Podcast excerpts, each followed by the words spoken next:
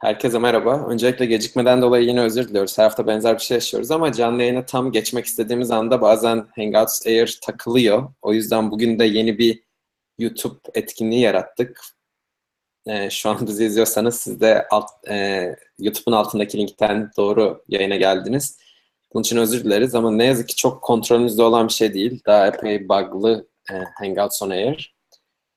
E, başka bir alternatifimiz de yok şu an. Onun için Google ee, ve yani YouTube'da kullanmaya devam et, ediyoruz, etmek zorundayız şimdilik. Neyse 10 dakika, 15 dakika yakın bir gecikme oldu. Çok özür diliyoruz. Şimdi ben sözü Sabancı Üniversitesi'nden arkadaşlarımız Ata ve Mehmet'e bırakıyorum. Konuğumuz da bugün Gülşah.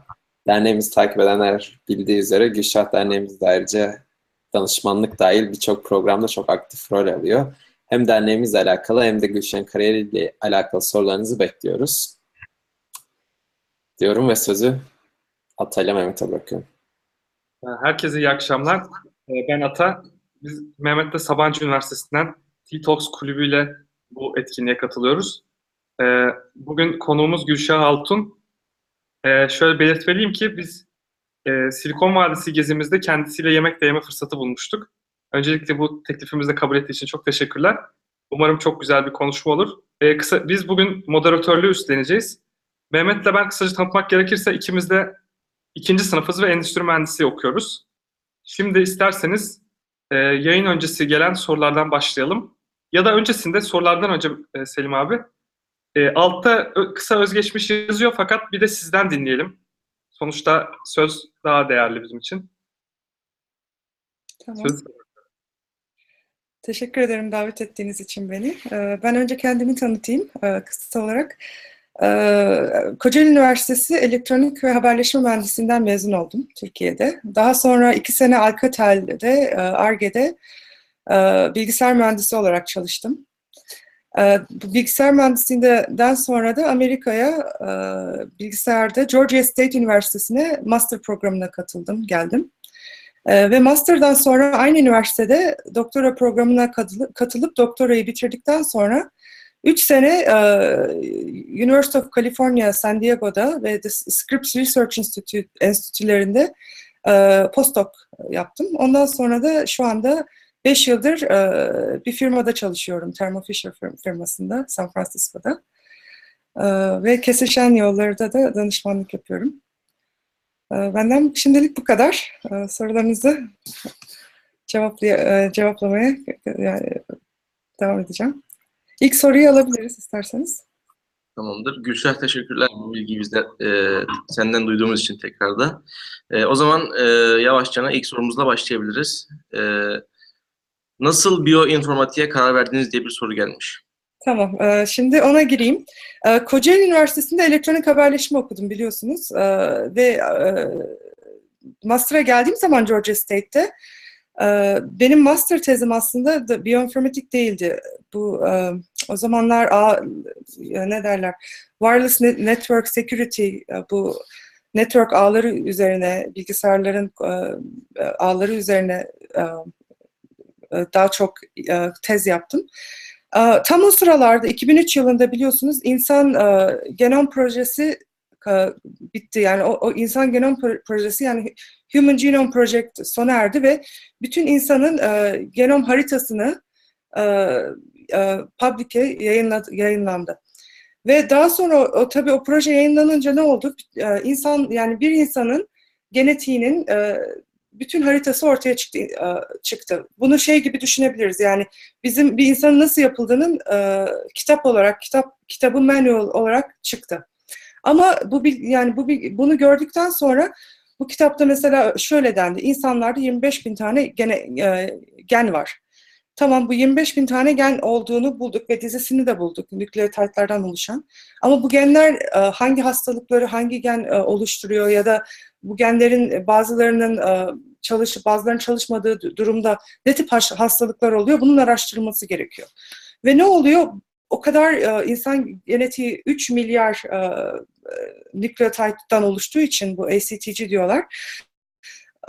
Bu, bu, bunu araştırmak için çok fazla statistiksel ve bilgisayar ortamına ihtiyaç duyuldu. Ve 2003 yılından sonra e, şöyle bir şey oldu mesela bizim üniversitede ve çoğu üniversitede computer science yani bilgisayar mühendisliğinde çalışan, istatistik e, istatistik e, alanlarında çalışan ve biyoloji alanlarında çalışan çoğu e, hocalar bir araya geldiler ve araştırmalara başladılar. Çünkü bu biyolojiyi de bilmek gerekiyor. Aynı zamanda da bu o kadar büyük bir e, veri tabanı ki bilgisayara bilgisayar şart bu, bunu araştırmak için. Ve ne oldu? Bütün üniversiteler, yani çoğu üniversiteler, çoğu araştırma yerlerinde e, değişik yani değişik alanlardan bir sürü profesör bir araya geldi ve nasıl araştırabiliriz bu bu, bu haritayı nasıl yani 3 milyar e, nükleotide nasıl şey yapabiliriz diye konuştular ve bir sürü projeler başlandı. Bizim üniversitede de Georgia State'te Molecular Basis of Disease diye bir uh, proje başlandı. Bir sürü bölüm uh, uh, hocalarıyla beraber ve uh, bizim bölümde de uh, bu biyoinformatik araştırmalara başlayınca biz de biz de uh, çok heyecanlandık. Çok değişik bir çok uh, ilgi alanı ve o bölümde çalışmalara başladım ben. Üniversitenin Computer Science alanıyla. Ve öyle başladım yani. Human Genome Projesi buna etkenlik verdi. Çünkü daha çok funding geldi. Biz bize Molecular Basis Disease Fellowship verildi bu alanda çalışanlara. Ve böyle başladım. Peki çok teşekkürler. Sıradaki soruya geçmeden önce ben daha önceki sorularda gelmemiş fakat herkes büyük ihtimal bunu merak ediyor yurt dışında bir yaşamak bir, nasıl onu da sizden dinleyelim. Daha önceki konuklarımızın çoğu yurt dışında çalışan insanlardı ve hepsi farklı cevaplar verdi. Siz ne düşünüyorsunuz? Yani yurt dışında ben çok heyecanlı olarak geldim. Çünkü ben çok istiyordum gelmek, master yapmak. Nasıl anlatayım? Yani ilk günden okula geldiğinizde zaten size şey yapıyorlar. Okul çok ilgileniyor. International öğrenci olduğunuz için okul öncelikle tanıtım günü hazırlıyor. Mesela okul başladıktan bir hafta önce gelmeniz gerekiyor. Bu şart. Ve e, okulun okulda size şey yapıyorlar. E, men, mentor gibi orada okulun öğrencisi olan birini veriyorlar ve sizi gezdiriyor. Gezdiriyor dediğim işte anlatıyor nasıl Amerika'da hayat. Bunların hepsini zaten bir öğreniyorsunuz okula gelince ve hakikaten çok yardımcılar. International öğrenci geldiği zaman internasyonel. Ee, yani benim için e, nasıl anlatayım? yani Amerika'da yaşam e, zaten okumaya geliyorsunuz başta ve e, tabii çok değişik, çok değişik ülkelerden bir sürü insanla tanışıyorsunuz. Yani güzel okul, yani nasıl anlatayım? Geldiğiniz zaman zaten international öğrenci o bir hafta içinde bir sürü insanla tanışıyorsunuz ve dersler başladığı zaman da yavaş yavaş her şey yerine oturuyor.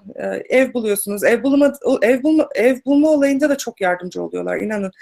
Mesela burada gelip geçici bir yerde kalıp daha sonra ben mesela arkadaş edindiğim insanlarla eve çıktım. ilk 6 ay sonra. Bunu da tavsiye ederim. Ya da ev bulamazsanız yine International Öğrenci Organizasyonu çok yardımcı oluyor. Yani diyebileceğim şu Amerika'da yaşam benim izlenimlerim açısından böyle yani daha sonra e, okul bittikten sonra bitmeden önce mesela bir sene öncesinden okul size soruyor tamam international öğrencisiniz sizi çağırıyor. İşte e, ne yapmayı düşünüyorsunuz? OPT istiyor musunuz? OPT istiyorsanız OPT staj dönemidir size hak tanınan. Okul bitirdiğiniz zaman burada size OPT staj hakkı veriyor Amerika. Ve e, eğer istiyorsanız zaten ona bir yıl önceden başvuruyorsunuz OPT vizesine ve onu aldığınız zaman e, o OPT vizesiyle burada kalmaya hakkı kazanıyorsunuz. İşiniz olmasa bile. Ve OPT sırasında da ya da OPT'den önce o son senenizde iş arıyorsunuz ve bulunca onunla girebiliyorsunuz. E, OPT ile çalışabiliyorsunuz yani daha doğrusu.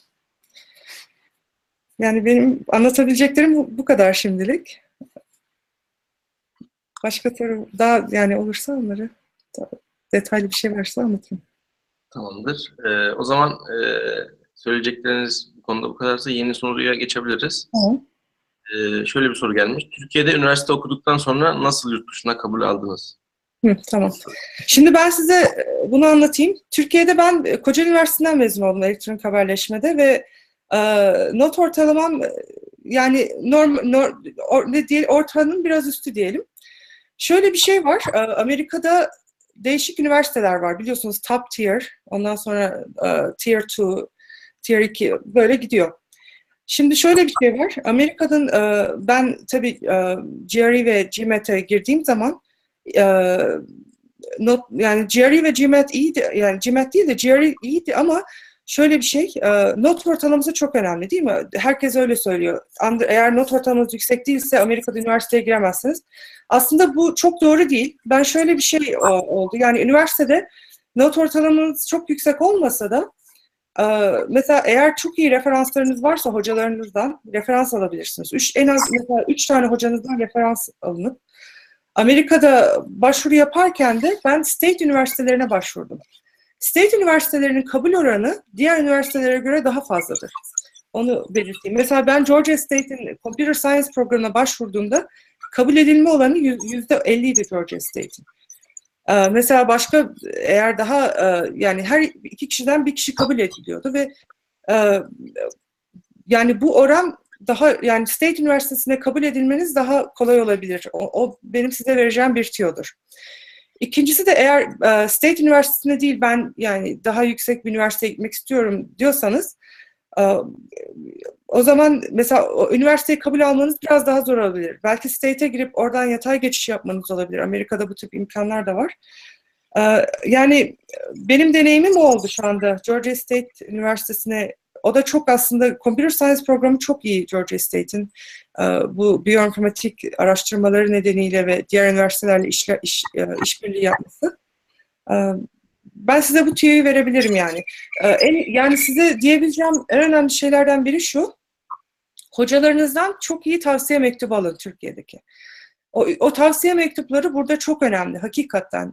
Ve hocanız mesela diyelim ki bir dersten geçtiğiniz zaman not ortalamanız diyelim 100, 100 üzerinden 70 veya 65. Ee, Ama diyelim ki o dersin o, ders zor bir ders ve not ortalaması mesela e, bütün yani sizinki 65 diyelim ki sınıfın not ortalaması veya sınıfta birinci olanın not ortalaması diyelim 75 o ders üzerinden. Mesela hoca böyle bir şey yazabilir. Diyebilir ki bakın bu ders çok zor bir ders e, ve eğer mesela not ortalaması düşük bile gözüktü aslında sınıfta bayağı başarılı bir öğrenciydi ve sınıfın ilk yüzde onundaydı. Öyle bir şey yazabilir hocanız. Anlatabiliyor muyum? O sizin hakikaten burada mesela transkriptinizde yazdığı zaman bu ders e, çok düşük veya işte bu ortalama niye düşük diye o şey yapabilir. Yani onu e, hocanın tavsiyesi çok önemli. Yani bunu tavsiye ediyorum size. Çok teşekkür ederiz. Şimdi sıradaki soruyu alalım. Ee, Selim abi yansıttı. Ee, uzun bir soru. Türkiye'de ortalama bir üniversiteden mezun olmuş bir yeni mezun Google, Facebook gibi büyük şirketlerin mülakatları Hı hı. üzerine yeterli süre çalışsa Silikon Vadisi şirketlerinde çalışması mümkün olur mu? Yani bu mülakat tekniklerine veya oradaki algoritma data structures kitabı Cracking the Coding Interview üzerine çalışsa başarılı olabilir mi? Evet, evet, aynen. Ben aslında e, Thermo Fisher yani bu şirket son girdiğim şirkete 5 yıl önce başvurmadan önce e, bayağı bir bir e, birçok e, diğer firmalarla da e, ne derler interview ettim ve inanır mısınız bu program yani bu sorular bu Programming Cracking the Programming Interviews kitaplarındaki aynı birebir sorular geldi bana.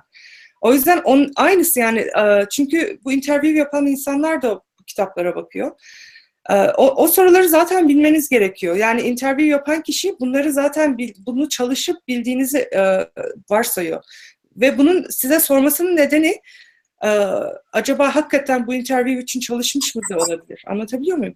Eğer Silicon Valley'de iş, iş yani e, iş çalış, çalışmak istiyorsanız bence e, en önemli şeylerden biri hakikaten Google'da aratır mısınız, aratırsanız Silicon Valley'de nasıl çalışırım diye göreceksiniz ki bir sürü insan bunun hakkında e, yani ilk araştırdığınızda How to Work in Silicon Valley ya da bir sürü link geliyor değil mi? İnsanlar bloglarında yazmışlar, şunlar söylüyor falan ama e, yani e, benim diyebileceğim üniversitede orta yani, bir üniversite mezunu sizin nasıl olduğunuz yani sizin bu işi nasıl bildiğiniz çok önemli. Ve e, mesela bir firma zaman o firmaya mesela Google, Facebook veya bu firmada diyelim ki interview şansınız oldu. şansınız oldu. Hakikaten o firmanın ne yaptığını Hakikaten o firmanın ne yaptığını, yani o firmanın e, yani o firmanın e, aslında oradan geri ses geliyor ama o firmanın nasıl e, çalıştığını ne ne nedir e, projeleri yani passion çok ilgi gösterin o firmaya. E, bunlar yani size vereceğim tüyolardan biri budur. E, baş, başvurabilirsiniz. Tanıdık olursa tabii daha kolay oluyor CV'nizin elden birinin verildiği zaman ama dediğim gibi aslında LinkedIn'de çok iyi bir profil oluşturun. Yaptığınız projeler varsa LinkedIn'e koyun. Yani LinkedIn projelerini burada recruiter'lar var bu firmaların. Hakikaten bakıyorlar ve size e-mail gönderiyorlar. Onu çok dikkat ettim ben. Ee, yaptığınız projeleri web sitenize ya da LinkedIn profilinize koyduğunuz zaman dikkat çekebilir. O- yani buradaki Silicon Valley'lerden. Ee, ve kendinizi çok yani mesela gittiğiniz zaman çok iyi tanıtın. Kısa bir şekilde mesela bir sayfalık en fazla CV'de veya iki sayfa en fazla ama bir sayfada kendinizi anlatabilecek, yaptığınız projeleri anlatabilecek, e, sizi ha- yani hatırlatacak e, şeyleri yazın orada e, CV'nizde. Yani bunlar hep dikkat çekici şeylerdir. Her şey size bağlı daha doğrusu. E, O yüzden yani olabilir. Eğer katılmak istiyorsanız Facebook'a e, ya da Google'a bunları yapmanızı öneririm. Teşekkür ederiz. Ee, şimdi diğer soruya geçelim. Şöyle derseniz. Yeni mezunlar için e, Silikon Vadisi şirketlerinde e, iş bulmak için neler önerirsiniz? Ne gibi e, ne gibi şeyler yaparak kendilerini e, bu kabul bulma oranlarını arttırabilirler? Biraz önce benzer bir soru geldi ama. Ama galiba yeni mezunlar için sorulmuş bu soru. Ha, yeni mezun olmuş. Yeni mezun Yani dediğim gibi e, yani LinkedIn profili oluşturun, network oluşturun. e, O şirketlerde çalışan birisi varsa veya e, o şirketin mesela recruiterları olur LinkedIn'de. Onlara direkt LinkedIn'den mesaj atmaya çalışabilirsiniz. Yani aktif olun ve hakikaten eğer interview şansını ele- elde ederseniz telefon görüşmesi olacak ilk. Ve bu aralar telefon görüşmelerini Google Hangout olarak da yapıyorlar. Ee, hakikaten hazırlan, hazırlıklı olun. O, de- o denilen kitapların zaten hepsinin e, okunması gerekiyor. Cracking Code Interviews ama e, kendinizin de tabii eğer kod yazacaksanız çok iyi bilmeniz gerekiyor programlamayı. Ve şöyle bir şey var. Ben bir şirkette gittiğim zaman programlamaya mesela size soruyorlar hangi dilde size aslında ta- ta- tahtaya program yazdırıyorlar. Ona ha- hazırlıklı olmanız gerekiyor. Ve bana sormuşlardı işte C++, Java hangi programda yazmak istiyorsanız yazın. O size bağlı. O yüzden bir tane mesela programlama dilini e, çok iyi öğrenin derim. Mesela Java burada Silicon Valley'de benim deneyimlerime göre Java çok geçerli. Java'da kod yazabiliyorsanız e, ta- e, yani mesela ufak bir e, ne bileyim bir API bunu yazabildiğiniz zaman e, e, daha yani çok şansınız artacak. Ee, ve Google Hangout'ta da yaptı yani Google Hangout ya da interview yüz yüze konuştuğumuzda da mesela sorular gelmişti böyle. Ee, yani her şey dediğim gibi sizin sizin e, yeteneklerinize bağlı ve e, CV'nizin doğru insanın eline geçmesine ve size kontak etmesine. Çok teşekkürler. Şimdi Hı yine uzun bir sorumuz var. Ee, yurt dışında yüksek lisans için iyi okullarda okumayı kendine hedef koymuş bir bilgisayar mühendisi öğrencisi henüz birinci henüz birinci bu amaçla bu amaçla neler hedefleri ve nelere önem verdiğini önem verdi. Yani birinci sınıftaki bir bilgisayar mühendisi yüksek lisans için yurt dışında okumak için ne yapmalı? Tamam. Tamam. Yani bilgisayar mühendisliği. Tamam. Ee, dediğim gibi not ortalamasını yüksek tutsun ama dediğim gibi not ortalaması eğer e, bazı derslerde çok yüksek değilse onu hocadan aldığı referansla düzeltebilir. Ee, gitmek istediği üniversiteye karar versin derim en başta. Şimdi Amerika'da iki, iki, iki türlü yerde yaşayabilirsiniz. Belki bu ilk soruya da biraz değiniyor. Bazı üniversiteler e, burada şey diyorlar, in the middle of nowhere. Yani üniversite de, şey, dışında şehirde hiçbir şey yok. Ee, mesela küçücük bir e, mesela kasa gibi kasaba gibi bir yer ama üniversite çok meşhur ve çok iyi. Oraya University Town deniyor. Ee, Çok küçük bir şehirde sadece öğrencilerin olduğu ve kampüsün olduğu çok güzel üniversite hayatı yaşayabileceğiniz bir yere git- gitmek istersiniz. Yoksa e, daha böyle şehir içinde olsun, işte çok insanın olduğu bir yere mi gitmek istersiniz? Önce bunlara da karar vermeniz lazım. Çünkü mesela şehir hayatına alışmışsanız ve buraya geldiğinde e, ufacık bir kasaba gibi, bir yerde yaşayıp mesela e, sadece 4-5 restoranın olduğu veya e, küçük bir yerde gelip yaşamaya başlarsanız e, bu biraz hani şey yapabilir. E, belki sizde e, expectation olmayabilir. O yüzden e, önce gideceğiniz üniversitenin nasıl bir urban veya nasıl bir yerde olup olmadığına bakın. US News Rankings diye bir şey var. US News Rankings duymuşsunuzdur.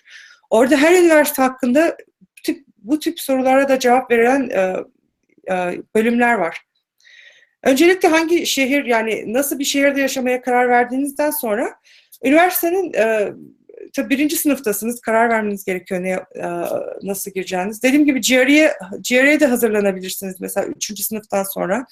GRE e, çok zor değil ama GRE'nin verbal kısmı var. O biraz zor. Orada bir sürü ezber gerekiyor. O yüzden mesela GRE'nin verbal kısmına son anda hazırlanmak iyi bir şey değil. E, ezberlemeniz gereken bir sürü e, kelimeler oluyor. Benim e, yani benim girdiğim zaman öyleydi. Ona mesela bir sene önceden hazırlanıp o kelime kelimeleri ezberleyebilirsiniz ama dediğim gibi verbal kısmına da computer science'a girdiğiniz zaman çok belki e, önem verilmiyor. Daha çok analitik e, düşünme tarzına çok önem veriliyor. E, bunlara böyle hazırlık yapabilirsiniz. Dediğim gibi üniversitelere bakın. E, hangi programlarda neler var, hangi üniversiteye gitmek istiyorsanız bunlara bir ufak ufak hangi ne tip bir şey, ne tip bir şehirde yaşamak istiyorsunuz bunlara karar verin birinci sınıftan itibaren. Ondan sonra e, ona göre mesela bizim Auburn Üniversitesi var. E, Atlant mesela Georgia State Üniversitesi tam şehrin içindedir. Kampüsü yoktur. Yani çok ufacık bir e, kampüs var. Kampüsü var şehrin içinde bir iki binadan oluşan ama eğer giderseniz Georgia State Üniversitesi'ne Atlanta'da göreceksiniz ki Five Points diye bir yer var. Ve orada yüksek firmaların olduğu binaların arasında mesela Georgia State Üniversitesi'nde o binalarda mesela 3-5 katı oluyor. O üniversiteye gittiğiniz zaman eğer siz kampüs hayatı istiyorsanız şaşırabilirsiniz. Aa nereye geldim ben diye. Çünkü hakikaten yüksek binaların içine giriyorsunuz. Yani okul ortamı değil de daha çok böyle şehir hayatında iş hayatı gibi oluyor Georgia State'e gittiğiniz zaman. Ama mesela Auburn Üniversitesi'ne giderseniz Alabama'da bu Atlanta'ya iki saat uzaklıkta bir üniversitedir Auburn University. Orada uh, University Town'dır orası. Çok küçük. Muhteşem bir üniversitesi, muhteşem bir kütüphanesi, güzel bir kampüs kampüsü var ama onun dışında uh, yer çok küçük. Yani oradan Auburn Üniversitesi'nden mesela çoğu, çoğu öğrenci hafta sonları Atlanta'ya iki saatliğine gelip hani belki şehir şehir görmek amacıyla öyle gezmek amacıyla Atlanta'ya gelirlerdi. Hiking yapmak için veya o tip şeyler için yani bunları araştırın derim. Ve dediğim gibi başvuru oranlarına bakın. O çok önemli. Kendinizi mesela bilin. Eğer bakıyorsunuz baş mesela orada bir de üniversitelerin aslında bu kabul alma işlemlerinde görevli olan hocaları oluyor.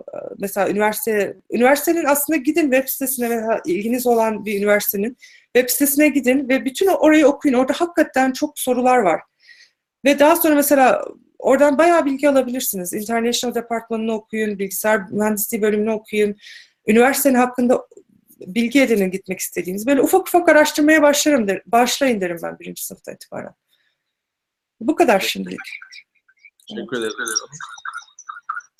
Amerika dışında Avrupa'da biyoinformatik adına ileride olan ve yüksek lisans için e, tercih edilebilecek ülkeler hangileridir? Amerika'nın dışına çıkmak gerekirse. Amerika'nın dışında. Onu yani ben şey e, Avrupa'da okumadığım için çok bilmiyorum ama şey bazı enstitüler geliyor tabii aklıma. Mesela EBI diye bir enstitü var. E, European Bioinformatics Institute. Bunlar çok araştırma yapan bir sürü diğer ülkelerle birlikte mesela orada doktora programı olabilir. Doktor öğrencisi alıyorlar her sene. Ee, sonra tabii bilinen üniversiteleri var. Oxford, Cambridge. Oralara bir bak bakınabilir Europe'da ama dediğim gibi Europe hakkında ben çok bir şey Max Planck Institute var mesela. On, onları onlar bayağı bilinen enstitüler. Ee, bunları tavsiye edebilirim Amerika dışında eğer Avrupa'da e, doktora veya master yapmak istiyorsanız. Evet, çok teşekkür ederiz. Şimdi çok e, güzel bir soru gelmiş. Ben de çok merak ediyordum aslında. Türkiye'de peki bu biyoinformatik alanında çalışan var mı acaba? Var var. Benim okuduğum kadarıyla bayağı bir firma var Türkiye'de. Ee, ben de buna bakıyordum geçen gün.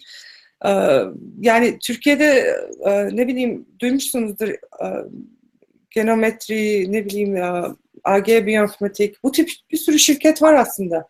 Ama, e, O yüzden e, bakarsanız yani Google'da araştırma bile yaparsanız ben öyle yapmıştım. Böyle bir sürü şirketler gelmişti genomize.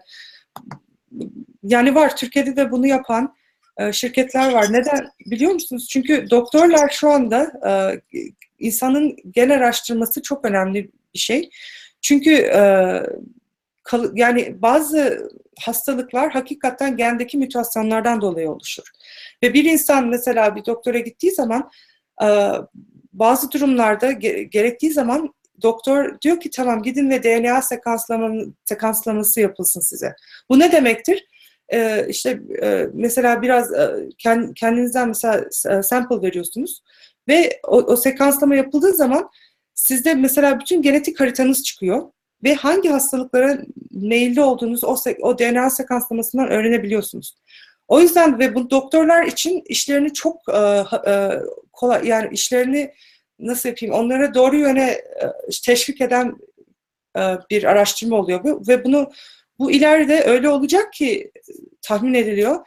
Artık e, gittiğiniz zaman her- yani e, doktora bütün se- sekansla DNA'nız ortaya çıkacak ve e, sadece genlerinize bakarak kalıtı, hangi hastalıklara kalıtım, kalıtımınız olacağını doktor anlayacak. Ve mesela diyelim ki bir hastalığa meyiliniz var.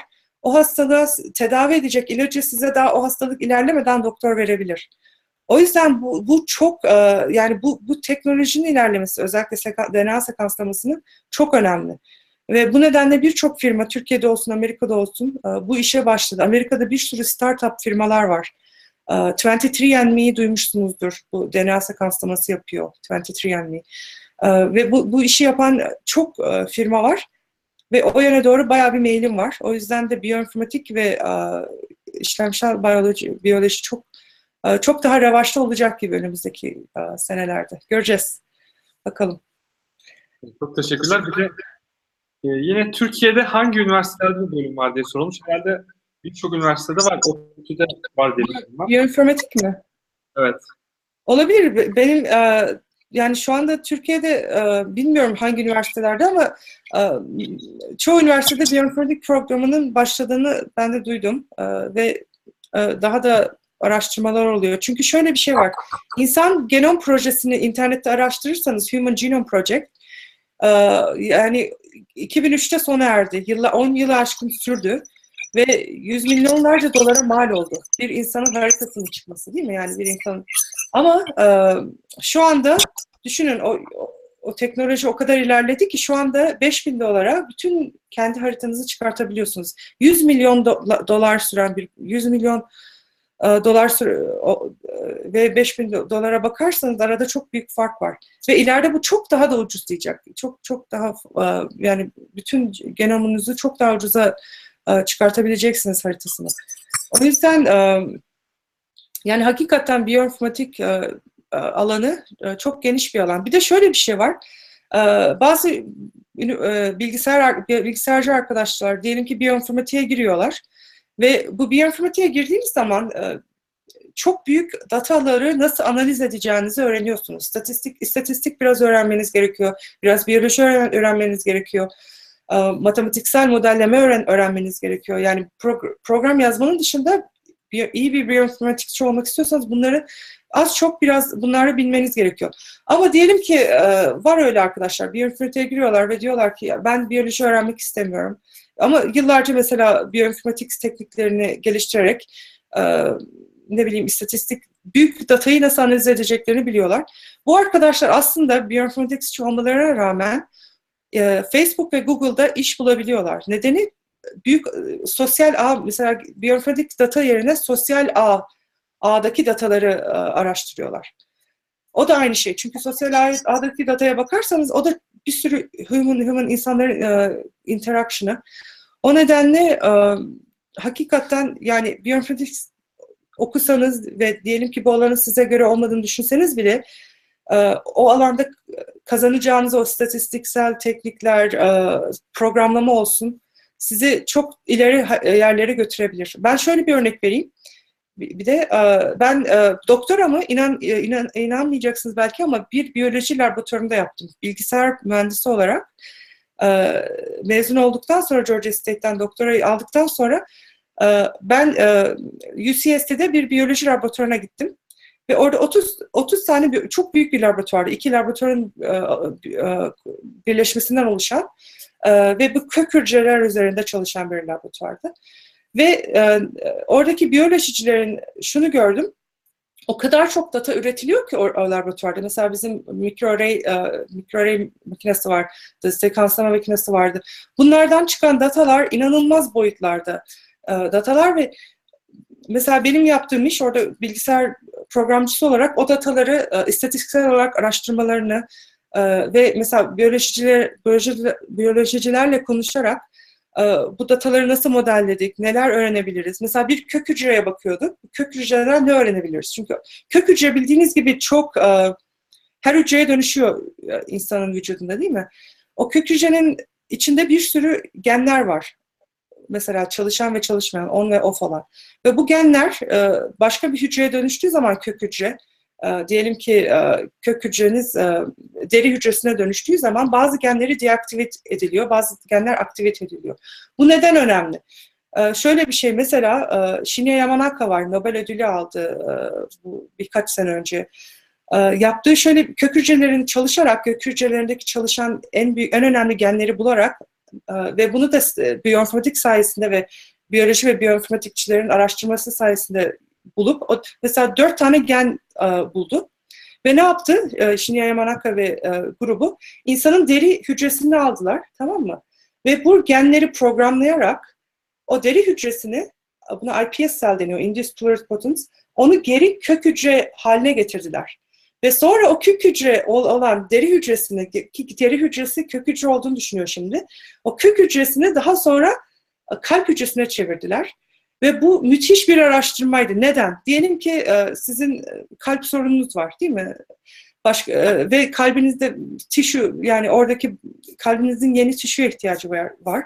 Sizin derinizden ileride bu, bu daha da geliştiği zaman bu teknoloji deriniz alınıp kök hücre haline getirilip sonra kalp hücresine çevrilip kalbinize mesela enjekte edilebilir. Ya da ne bileyim e, bunun çok büyük değişik şeyleri var. Yani induced pluripotent cells bu iPS cell geldiği zaman e, bu çok yani bu Nobel ödülü almasına e, neden neden oldu Shinya Yamanaka'nın ve bu nasıl yapıldı? Hakikaten bu binler, 20 bin, 25 bin tane genin araştırılması biyoinformatik sayesinde ortaya çıktı bunlar. Eskiden biyoloji belki bir, iki, bir biyolojici bir iki geni araştırıp ya da ne bileyim e, onun nasıl çalıştığını çok iyi bakabilirdi, bakabilirdi ama şimdi elinde o kadar daha çok data var ki onun istatistiksel alanın e, araştırmasını da yapmak istiyor. Ve e, şu anda göreceksiniz ki biyoloji programlarının çoğunda biyolojicilere programlama öğretiliyor. Mesela Python, C++, Java bunlar öğretilmeye başlandı. E, o yüzden yani diyebileceğim bu kadar. Biraz konudan konuya atlıyorum ama. Teşekkür ederiz Gülşah bu bilgiler için. E, demin doktora ile ilgili bir soru gelmişti. Hazır doktoradan konuşurken onu da sormak isterim. E, bu arada şimdi e, ben de kendi bir fikrimi yansıtmak istiyorum. Yani günümüzde Türkiye'de özellikle bilmiyorum Amerika'da böyle mi? E, hani doktora e, yap, yapan kişi hani akademisyenliğe kaymak isteyen kişidir diye bir algı yaratıldı. Master'sa master yapılıp e, iş hayatına geçilebilir diye bir algı yaratıldı. Sence bu böyle mi ya da Amerika'da bu böyle mi? E, bir de arkadaşımızın sorusu var. Doktora yapmak gerekli mi? Böyle bir fırsatı nasıl yarattınız? Nasıl böyle, böyle bir fırsatı nasıl yaratacağız? Yarattınız siz. Ha, doktora tamam. Ee, o zaman şöyle nasıl başlayayım? Yani benim doktora aslında hesapta yoktu. Dediğim gibi ben master programı için geldim Amerika'ya Georgia State'te. Ama e, doktoraya da daha sonra burada e, kal, yani master'ı bitirdikten sonra doktora programında da kalmak istedim yani. O, çünkü şöyle master yaptıktan sonra mesela 3 e, oradaki bütün dersleri zaten alıyorsunuz doktora da almanız gereken. Ve ardından 3 sene veya 3 sene veya 4 sene daha geçirip e, doktora diplomanızı almak istiyorsanız tez araştırma yapıp bunu o size bağlı bir şey e, yapabilirsiniz. Ben benim için öyle oldu. Şimdi doktora gerekli mi de, değil mi diye bir şey soruyorsunuz. Yani ben size şöyle anlatayım. Çoğu şirkette, e, bizim şirkette de öyle doktora yapmış çok insan var. E, doktora yapmış olması, master yapmış olması e, bir insanı öyle şirket ayrılmıyor. En önemli şey doktora veya master yapmış ol- olması o şirkete belki e, girdim, girmenizde biraz belki bir artı artı oluyor. Çünkü araştırma yapacaksa şirket doktora da araştırma yapmayı öğreniyorsunuz.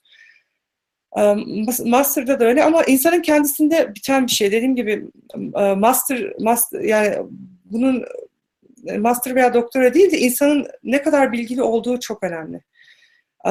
Eğer bir işte çalıştığınız zaman yükselmek için. E, Yoksa eğer iş yer- ben doktora yapayım iş yerinde çok yüksek yerlere gelirim derseniz öyle bir şey yok. İş yerinde herkes e, yaptığı performans yani performansıyla değerlendiriliyor. Geçmişi doktorası veya master olması güzel ama o şirkette mesela girdiğiniz zaman o şirkete çalıştığınız zamanki gösterdiğiniz performans çok önemli. Ve buradaki şirketlerde Amerika'da her 6 ayda bir performance review yapılır.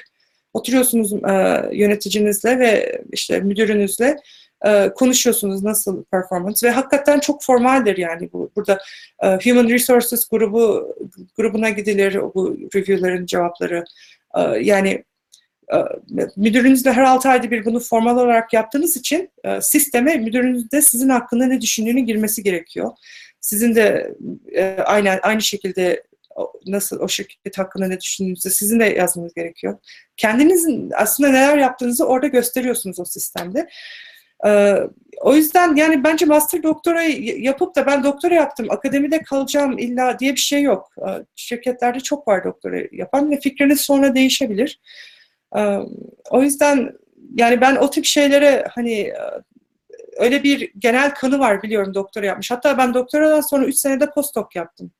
Yani benim tam akademisyen yoluna doğru ilerliyordum gördüğünüz gibi. Ama e, daha sonra endüstride denemek istediğimi düşündüm ve e, endüstride iş buldum ve 5 yıldır endüstri hayatında yani hayatındayım. O yüzden e, bunlar tamamen yani insanın fikirleri biliyorsunuz e, değişebiliyor devamlı. E, o yüzden kendinizi öyle sınırlamayın. Dediğim gibi eğer bir şirkette girdiğiniz zaman veya yani doktora eğer akademide kalmak istiyorsanız şunu söyleyebilirim. Akademide hakikaten şey mesela bunu undergrad'dayken de keşfedebilirsiniz. A, akademide a, hakikaten araştırma yapmaya a, meyilli olmanız gerekiyor ve mesela yayını yayınlar oluyor. Bu yayınları okuyup paperları okumanız ve bunları hakikaten a, ilgi ilginiz olması lazım. Eğer bunlara ilginiz yoksa zaten e, araştırma yani araştırma demek devamlı literatürü takip edeceksiniz. Eğer başarılı araştırmacı olmak istiyorsanız. E, ve mesela biyoinformatik alanından konuşayım size. Eğer araştırma biyoinformatik alanında girecekseniz konferanslara gidebilirsiniz. E, biyoinformatik alanında çalışan hocalar var mesela. Onlarla proje yapabilirsiniz. Doktora mesela doktora yapmak düşünüyorsanız bir hocayla o hocayla muhakkak önceden bir proje alın o hocayla projeyi yaptıktan sonra o hocayla beraber çalışabiliyor muyum, çalışamıyor muyum? Onlara da bir e, böyle e, bir fikriniz oluşur. Hoca, hocanın, çünkü doktora hocası ve öğrenci arasındaki o iletişim de çok önemlidir ve e, eğer doktora hocası seç, yani doktora hocanızı seçmeden önce muhakkak belki ders ders alın o hocadan. O hocadan proje hoca, hoca proje yapın bir birkaç ay ve e, bakın eğer çalışabiliyor musunuz beraber diye. E, yine konudan konuya atladım ama bunları size iletmek istiyorum. Hakikaten doktor öğrencisi yapacak bir doktor öğrencisi olacak bir insanın bunlara hazırlıklı olması gerekiyor. Araştırma yapacaksınız, çok paper okuyacaksınız, e, kongrelere gideceksiniz, e, sosyal sunumları yapacaksınız. Bunları akademik hayat bunlar bun- bunlar bunlar demek yani ve ders ders ders öğretmeyi seveceksiniz. Bunlar da çok güzel şeyler. Ee, endüstri hayatıyla çok değişik. Hangisini istediğinize bağlı. Evet, çok teşekkür ederiz. Gerçekten çok güzel özetlediniz. Şimdi e, bir sonraki soruya geçelim. E, demiş ki arkadaşımız, ben biyolojiyi çok seviyorum ama kodlama tecrübem yok. Ne önerirsiniz? Tamam. Çok büyük bir, yani kodlama e, kesinlikle öğrenmesi gerekiyor diye öneriyorum. Şu anda e, göreceksiniz ki e, bir sürü e, üniversitenin biyoloji programında Python dersi, mesela bir scripting der, script programlama öğrenmesi şart E, ve e, programlama öğrenmek artık yani çok zor bir şey değil. İnternete girdiğiniz zaman how to code diye yazarsanız bir sürü e, tutorial, bir sürü bilgi var internetten. Yani sadece bilgisayar aracıyla programlama öğrenmeniz mümkün artık bu devirde. Bir sürü e, tutorial var, bir sürü e, bunları anlatan şeyler var. Biyolojici olarak e, kesinlikle ben benim önerim şu, programlama öğrensin Python. Hatta Java öğrenebilirse Java da öğrensin. Biraz istatistiksel e, bilgi, matematik bunları da bu, bu, bu- bunları da öğrensin ve belki diğer bölümlerden ders alsın diye öneriyorum. E, Artık öyle bir öyle bir e, dünyada yaşıyoruz ki artık her şey interdisciplinary. Yani bir konuda da çok uzman olduğunuz zaman bir şeyin çok güzel. E, Ama diğer konular, diğer yani e, diğer konuları da yani diğer konularda çalışan insanlarla bir araya geldiğiniz ve paper ürettiğiniz zaman e, onlardan da fikir alıp araştırmayı çok daha zenginleştirebiliyorsunuz. Biz Scrips'te araştırma yayınladığınız, yayınladığımız zaman bir paper'ımızda 25 tane e, author, e, 25 tane yazarı olurdu o yayınladığımız makalenin. Bunun nedeni de mesela o, o laboratuvarda yaptığımız e, araştırma mesela kök hücreler araştırmasını mesela o deneyleri bir yıl iki yıl sürer, sürer mesela bu kök hücrelerin deneyleri. Bu, bu kök hücreler mesela e, bunları her gün beslemek gerekiyor, her gün e, değişik, o bambaşka bir konudur kök hücreler konusu. Belki o başka bir e, bir biyolojinin anlatabileceği bir konu olabilir. Çok günümüzde önemli bir konu.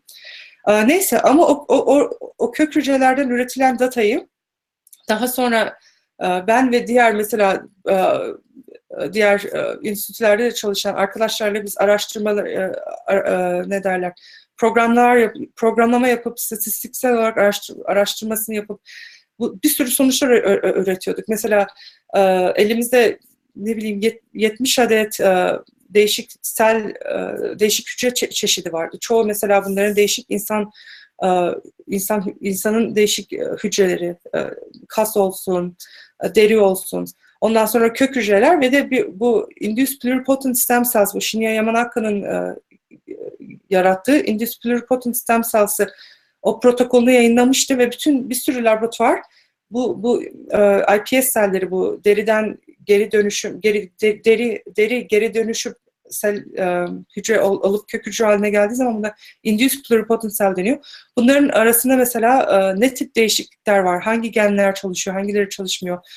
E, Bu 25 bin adet gene bakıp e, profillerini çıkar, çıkartıyorduk. E, Yani biyolojici birisinin bence kesinlikle öğre- öğrenmesi şart ve çok zor değil. İstedikten sonra oluyor yani programlama. Cevabım bu. Gülşah teşekkürler bu güzel bilgiler için. Şimdi e, doktora arka doktora konusu an- anlaşılan arkadaşlarımızın kafasında oldukça takılmış. E, peş peşe iki tane doktora ilgili soru var. Tamam.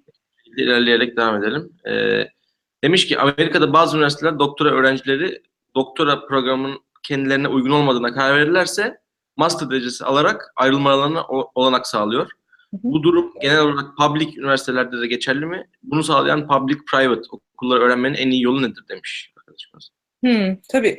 Aa, Ee. Bir de çünkü e, peş peşe olduğu için iki soru benzer. Onu da söyleyeyim isterseniz. Hı hı. Doktora programları yorucu, uzun ve yoru- yorucu ve uzun olabiliyor. Bu yolda motivasyonumuz çok yüksek değilse ve bitirme noktasında kararsızsak yine de e, doktora programına başvurmak mantıklı olur mu? Ayrılma durumunda en az en azından master derecesi alabileceğimiz üniversiteleri nasıl bulabiliriz? Teşekkürler. Hmm, güzel soru.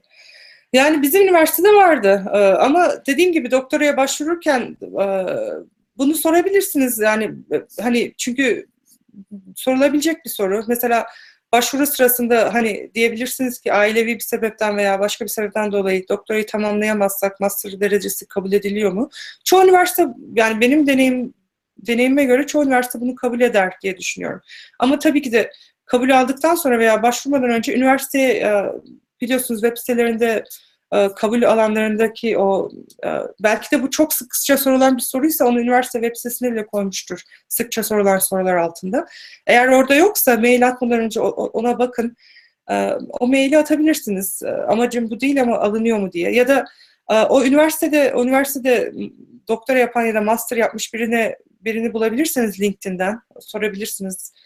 E, Ama bence en doğrusu üniversiteye direkt e-mail atıp bu, bu soruyu sormak.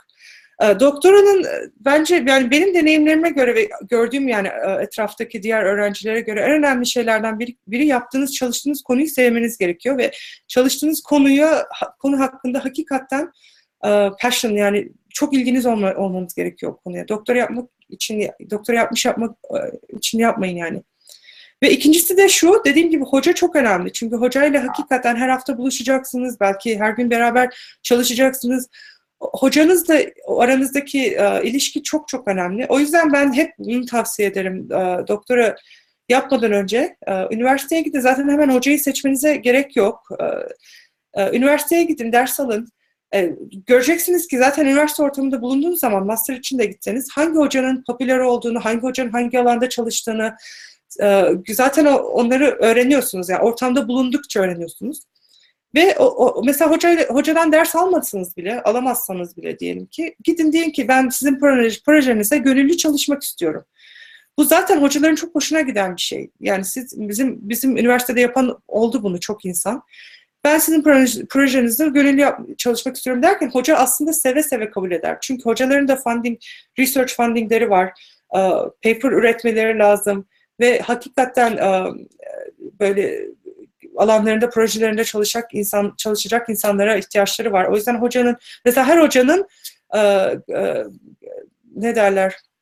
Her sene birkaç öğrenci öğrenciyi kendine asistan alma hakkı vardır. Mesela asistanlığı da olmuş olabilir hocanın ama siz gönüllü onunla çalışırsanız ve toplantılarına giderseniz hocanın asistanlarıyla yaptığı kabul eder. Çoğu hoca kabul eder. O hocanın nasıl çalıştığı hakkında fikir alıp e, doktora yapmak istiyorum, istiyor muyum bu adamla diye zaten e, ya, ya da bu, kişiyle e, bir fikir oluşuyor kafanızda. O çok önemli. Ve daha sonra o yıl tamam doktora belki bir yıllarca 3-4 sene bazen 5 sene süren bir olay ama konuyu seviyorsanız e, ve e, ho, yani hocayla aranız iyiyse e, çok kolay geçen ve güzel yıllar oluyor yani doktora programı.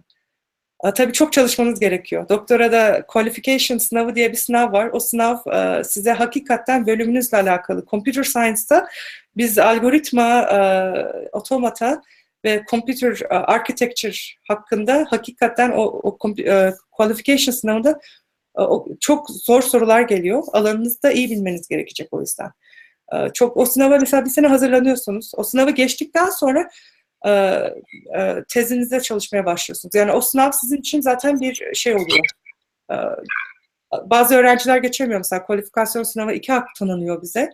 İki haktan sonra eğer geçemezseniz ben biz, benim gördüğüm kadarıyla e, e, şey o zaman doktoraya başka yere başvurabilirsiniz veya yani bu, bu tip şeylere hazırlıklı olun diyorum.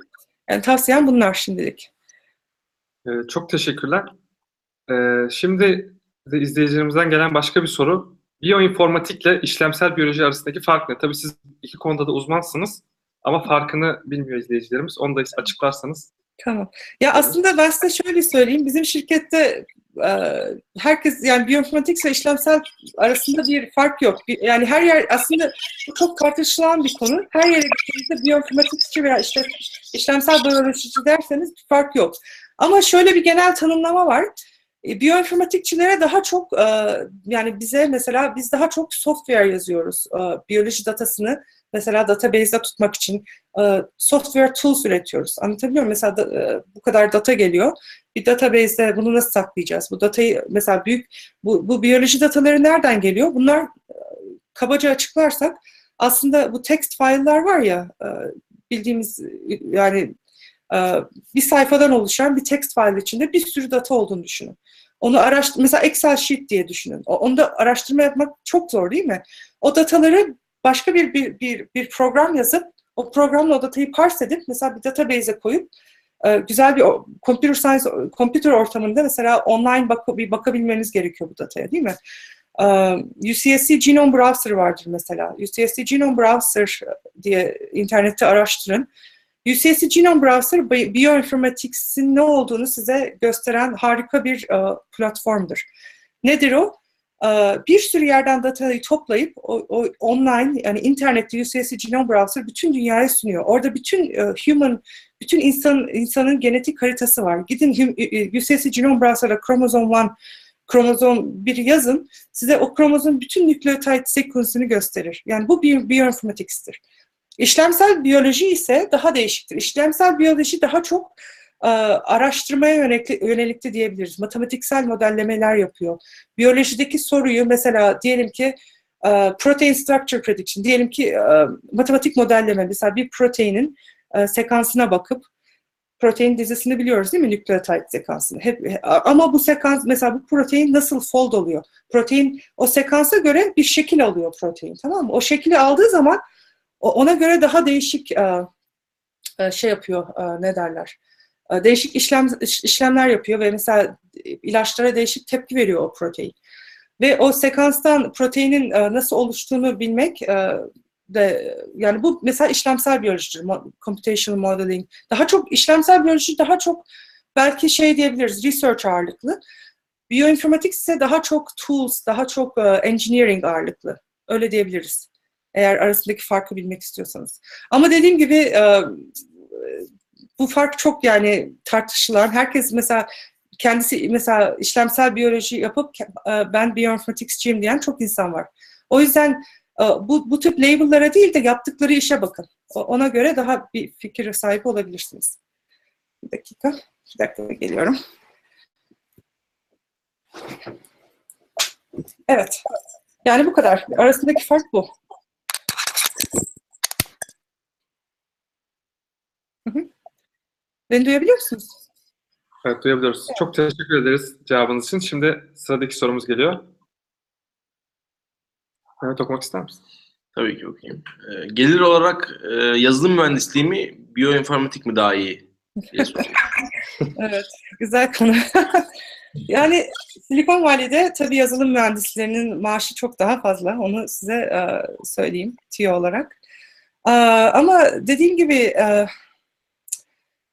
şirketten şirkete değişen bir, bir şey bu. Ama eğer hadi eğer para sizin eğer para para çok büyük bir şeyse yazılım mühendisleri kesinlikle daha fazla kazanıyor. Bunu kısaca böyle cevaplayacağım. Ama bioinformatics'te de dediğim gibi çok program yazıyoruz biz. Ben mesela biz her gün Java'da program yazıyoruz. Bioinformatics üzerinde ya da Python scripts yazıyoruz. Bi- Bioinformatics'te çalışıp bizim şirkette mesela ya da başka şirketlerde Google'da, Facebook'ta iş bulan çok insan oluyor. Çünkü yazılım yazdığınız için o özellikleriniz de gelişiyor. E, ya da mesela çok iyi bir bioinformaticsciyseniz ve şirkette biyoteknoloji firmasıysa sizi ele, bırak mesela bırakmamak için daha çok para ödeyecektir yani. Tamamen size bağlı. Teşekkürler. Evet. Tabii ma- maaşla ilgili çok herkes merak ediyor. Sorular geliyor maaşla ilgili. Hı. Ee, şimdi merak ettiğim bir şey var. Sonlara yaklaşıyoruz yavaş yavaş. Tamam. Ee, de crossing paths yani kesişen yollar e, bünyesindesiniz diyelim. Bu crossing paths sizin için ne ifade ediyor? Onu sorayım. Yani Crossing Paths e, çok yani sağ olsun Selim e, böyle bir imkan yarattı e, ve bu derneği oluştur, oluşturdu ve biz de yani ben bu derneğin parçası olduğum için çok mutluyum. Hakikaten böyle bir platform yani şu anda şu yaptığımız olay Crossing Paths yüzünden konuşmamız. Bir sürü insan yani bir sürü e, herkese konuşup deneyimlerini anla, deneyimlerimi anlatabiliyorum. Bu güzel. Bunu sağlıyor Crossing Paths. E, Dediğim gibi e, Türkiye'den sizin gibi öğrencilerden çok sorular geliyor. Onlara belki bir şekilde bir yardım edebiliyoruz, el el uzatabiliyoruz. O yüzden Crossing Paths hakikaten yeni kuruldu ve ileride daha güzel şeyler, yani çok şeyler yapmayı e, planlıyoruz. Bakalım. Yani benim için çok şey ifade ediyor ve e, e, bakalım yani başka bir şey diyemiyorum şimdilik.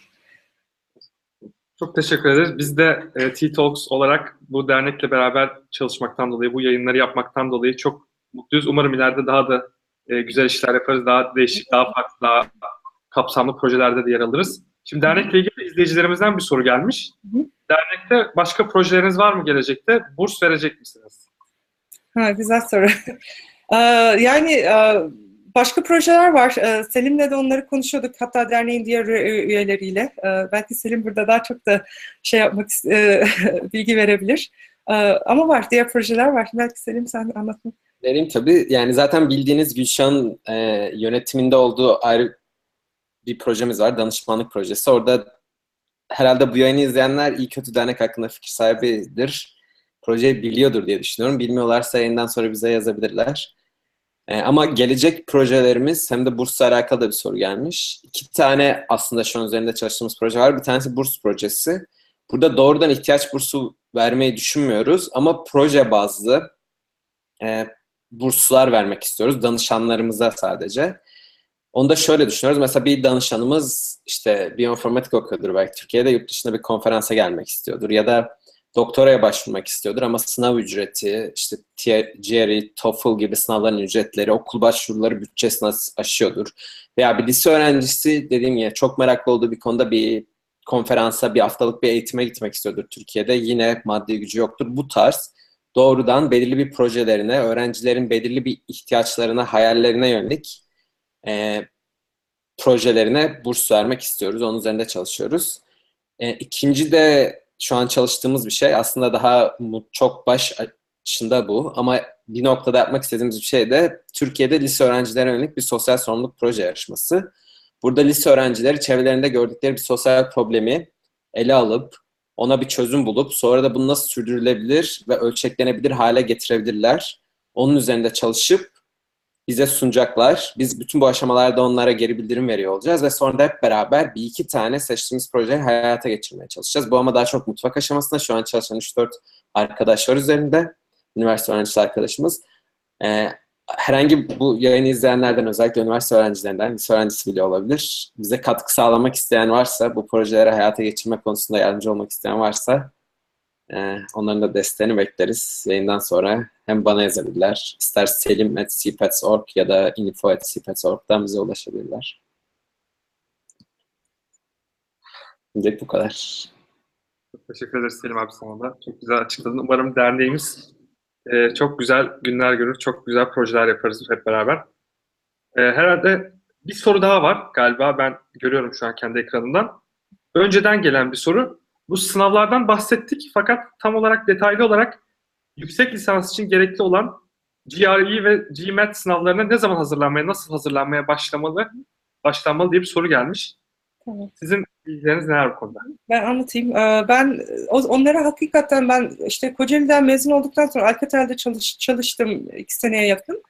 O sırada yani Alcatel'deyken belki e, bir, bir yani 6 ay falan harcadım GRE'ye çalışmaya. e, kitaplarına ve CD üzerinden o zamanlar. Yani 6 ay gibi bir süre yeterli gibi geldi. Bir ya da bir yıl e, en fazla eğer o, o ezber o verbal şeyleri. CİMET'e CİMET'e girmediğim için bilmiyorum. CİMET hakkında konuşamam ama GRE'ye girdim ve e, şöyle bir şey var. E, GRE'de mesela e, girdiğiniz zaman eğer ben iki kere girdim GRE'ye. ikinci girişimde puanımı hakikaten bir ne kadar 150 100 küsür 150 küsür arttırmıştım. Ee, ve öyle bir şey de olabilir. Mesela girdiğiniz zaman puanınızı yeterli görmüyorsanız çalışıp da tekrar girip arttırabiliyorsunuz ve o ikinci girdiğinizi dikkate alıyorlar. Ee, yani dediğim gibi bir sene bence yeterli bir vakit e, GRE için. Eğer her gün e, çalışacaksanız bir saat veya hafta sonları. Ee, yani diyebileceğim bu kadar GRE hakkında. Ama dediğim gibi siz üniversiteye başvurduğunuz zaman GRE sadece sizin bir bir bir tek e, noktanızı yani sizin haritanızda bir tek nokta. Sizi kabul almadan önce üniversite heyeti ne yapıyor biliyorsunuz? Bütün sizin hakkınızda yazılan bütün o heyet bir, bir araya geliyor. E, mektupları okuyorlar. Sonra sizin e, yazdığınız o, o sizin de üniversiteye bir, bir sayfalık bir yazı yazmanız gerekiyor. Neden nedir geçmişiniz ve neden o üniversitede master veya doktor yapmak istiyorsanız diye bir yazı hazırlamanız gerekiyor. Onu okuyorlar. Ve hakikaten bu, bu kabul edilme aşamalarında e, dediğim gibi heyetler bir araya geliyor ve bütün bunlara bakıyorlar. Yani GRE'den eğer düşük alırsanız tamam tekrar girin notunuzu yükseltin birkaç ay sonra. E, ama eğer e, GRE'ye de tek şeyle bakmayın yani. Not, not, yani üniversitede yaptıklarınız da çok önemli. E, yani diyebileceğim bu kadar.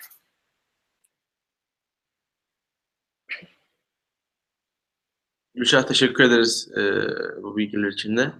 E, anladığım kadarıyla artık sorularımız tükenmiş bulunuyor. E, Selim abi var mıdır başka soru yoksa nasıl yapalım? Başka gelen soru yok. Eğer arkadaşlar yollayacaklarsa yollasınlar şu an. Yok herhalde. Herhalde yok. O zaman e, Gülşah e, çok teşekkür ederim. Dersinin ne kadar olduğunu sordu ama onda dedik genel olarak cevap verdi. o soruyu da aktarmış olalım ama bizde kalmasın. Ama genelde bu tarz sorulara doğrudan cevap verilmiyor. Evet. Gülşah çok teşekkür ederiz bugün e, Evet. bu programda bizimle olduğun için. Zaten e, ekipte hep birlikte çalışıyoruz. E, e, güzel bilgilerin, e, biz, deneyimlerin için e, eminim, eminim ki e, Türkiye'deki bizi izleyenlerimiz için de e, gayet faydalı bir yayın olmuştur. E, çok teşekkür ederek biz de e, selamlarımızı göndererek bugünü sonlandırmak istiyoruz. Selim abi sana da teşekkür ediyoruz tekrardan. Ben de çok teşekkür ederim. Çok güzel, çok güzel bir konu yani oldu, konuşma oldu. Tekrar görüşmek üzere. Biz teşekkür ederiz. Görüşürüz. Bundan sonraki yayınımızın tarihi belli değil. Mart ayında devam edeceğiz yayınlarımıza. Büyük ihtimalle ya da Şubat'ın son hafta sonu. Belli olur olmaz. Tekrar sizinle hem Facebook'tan hem e-maillerden paylaşacağız. Facebook grubumuzu takip edin. Görüşmek üzere. Görüşmek üzere. İyi akşamlar.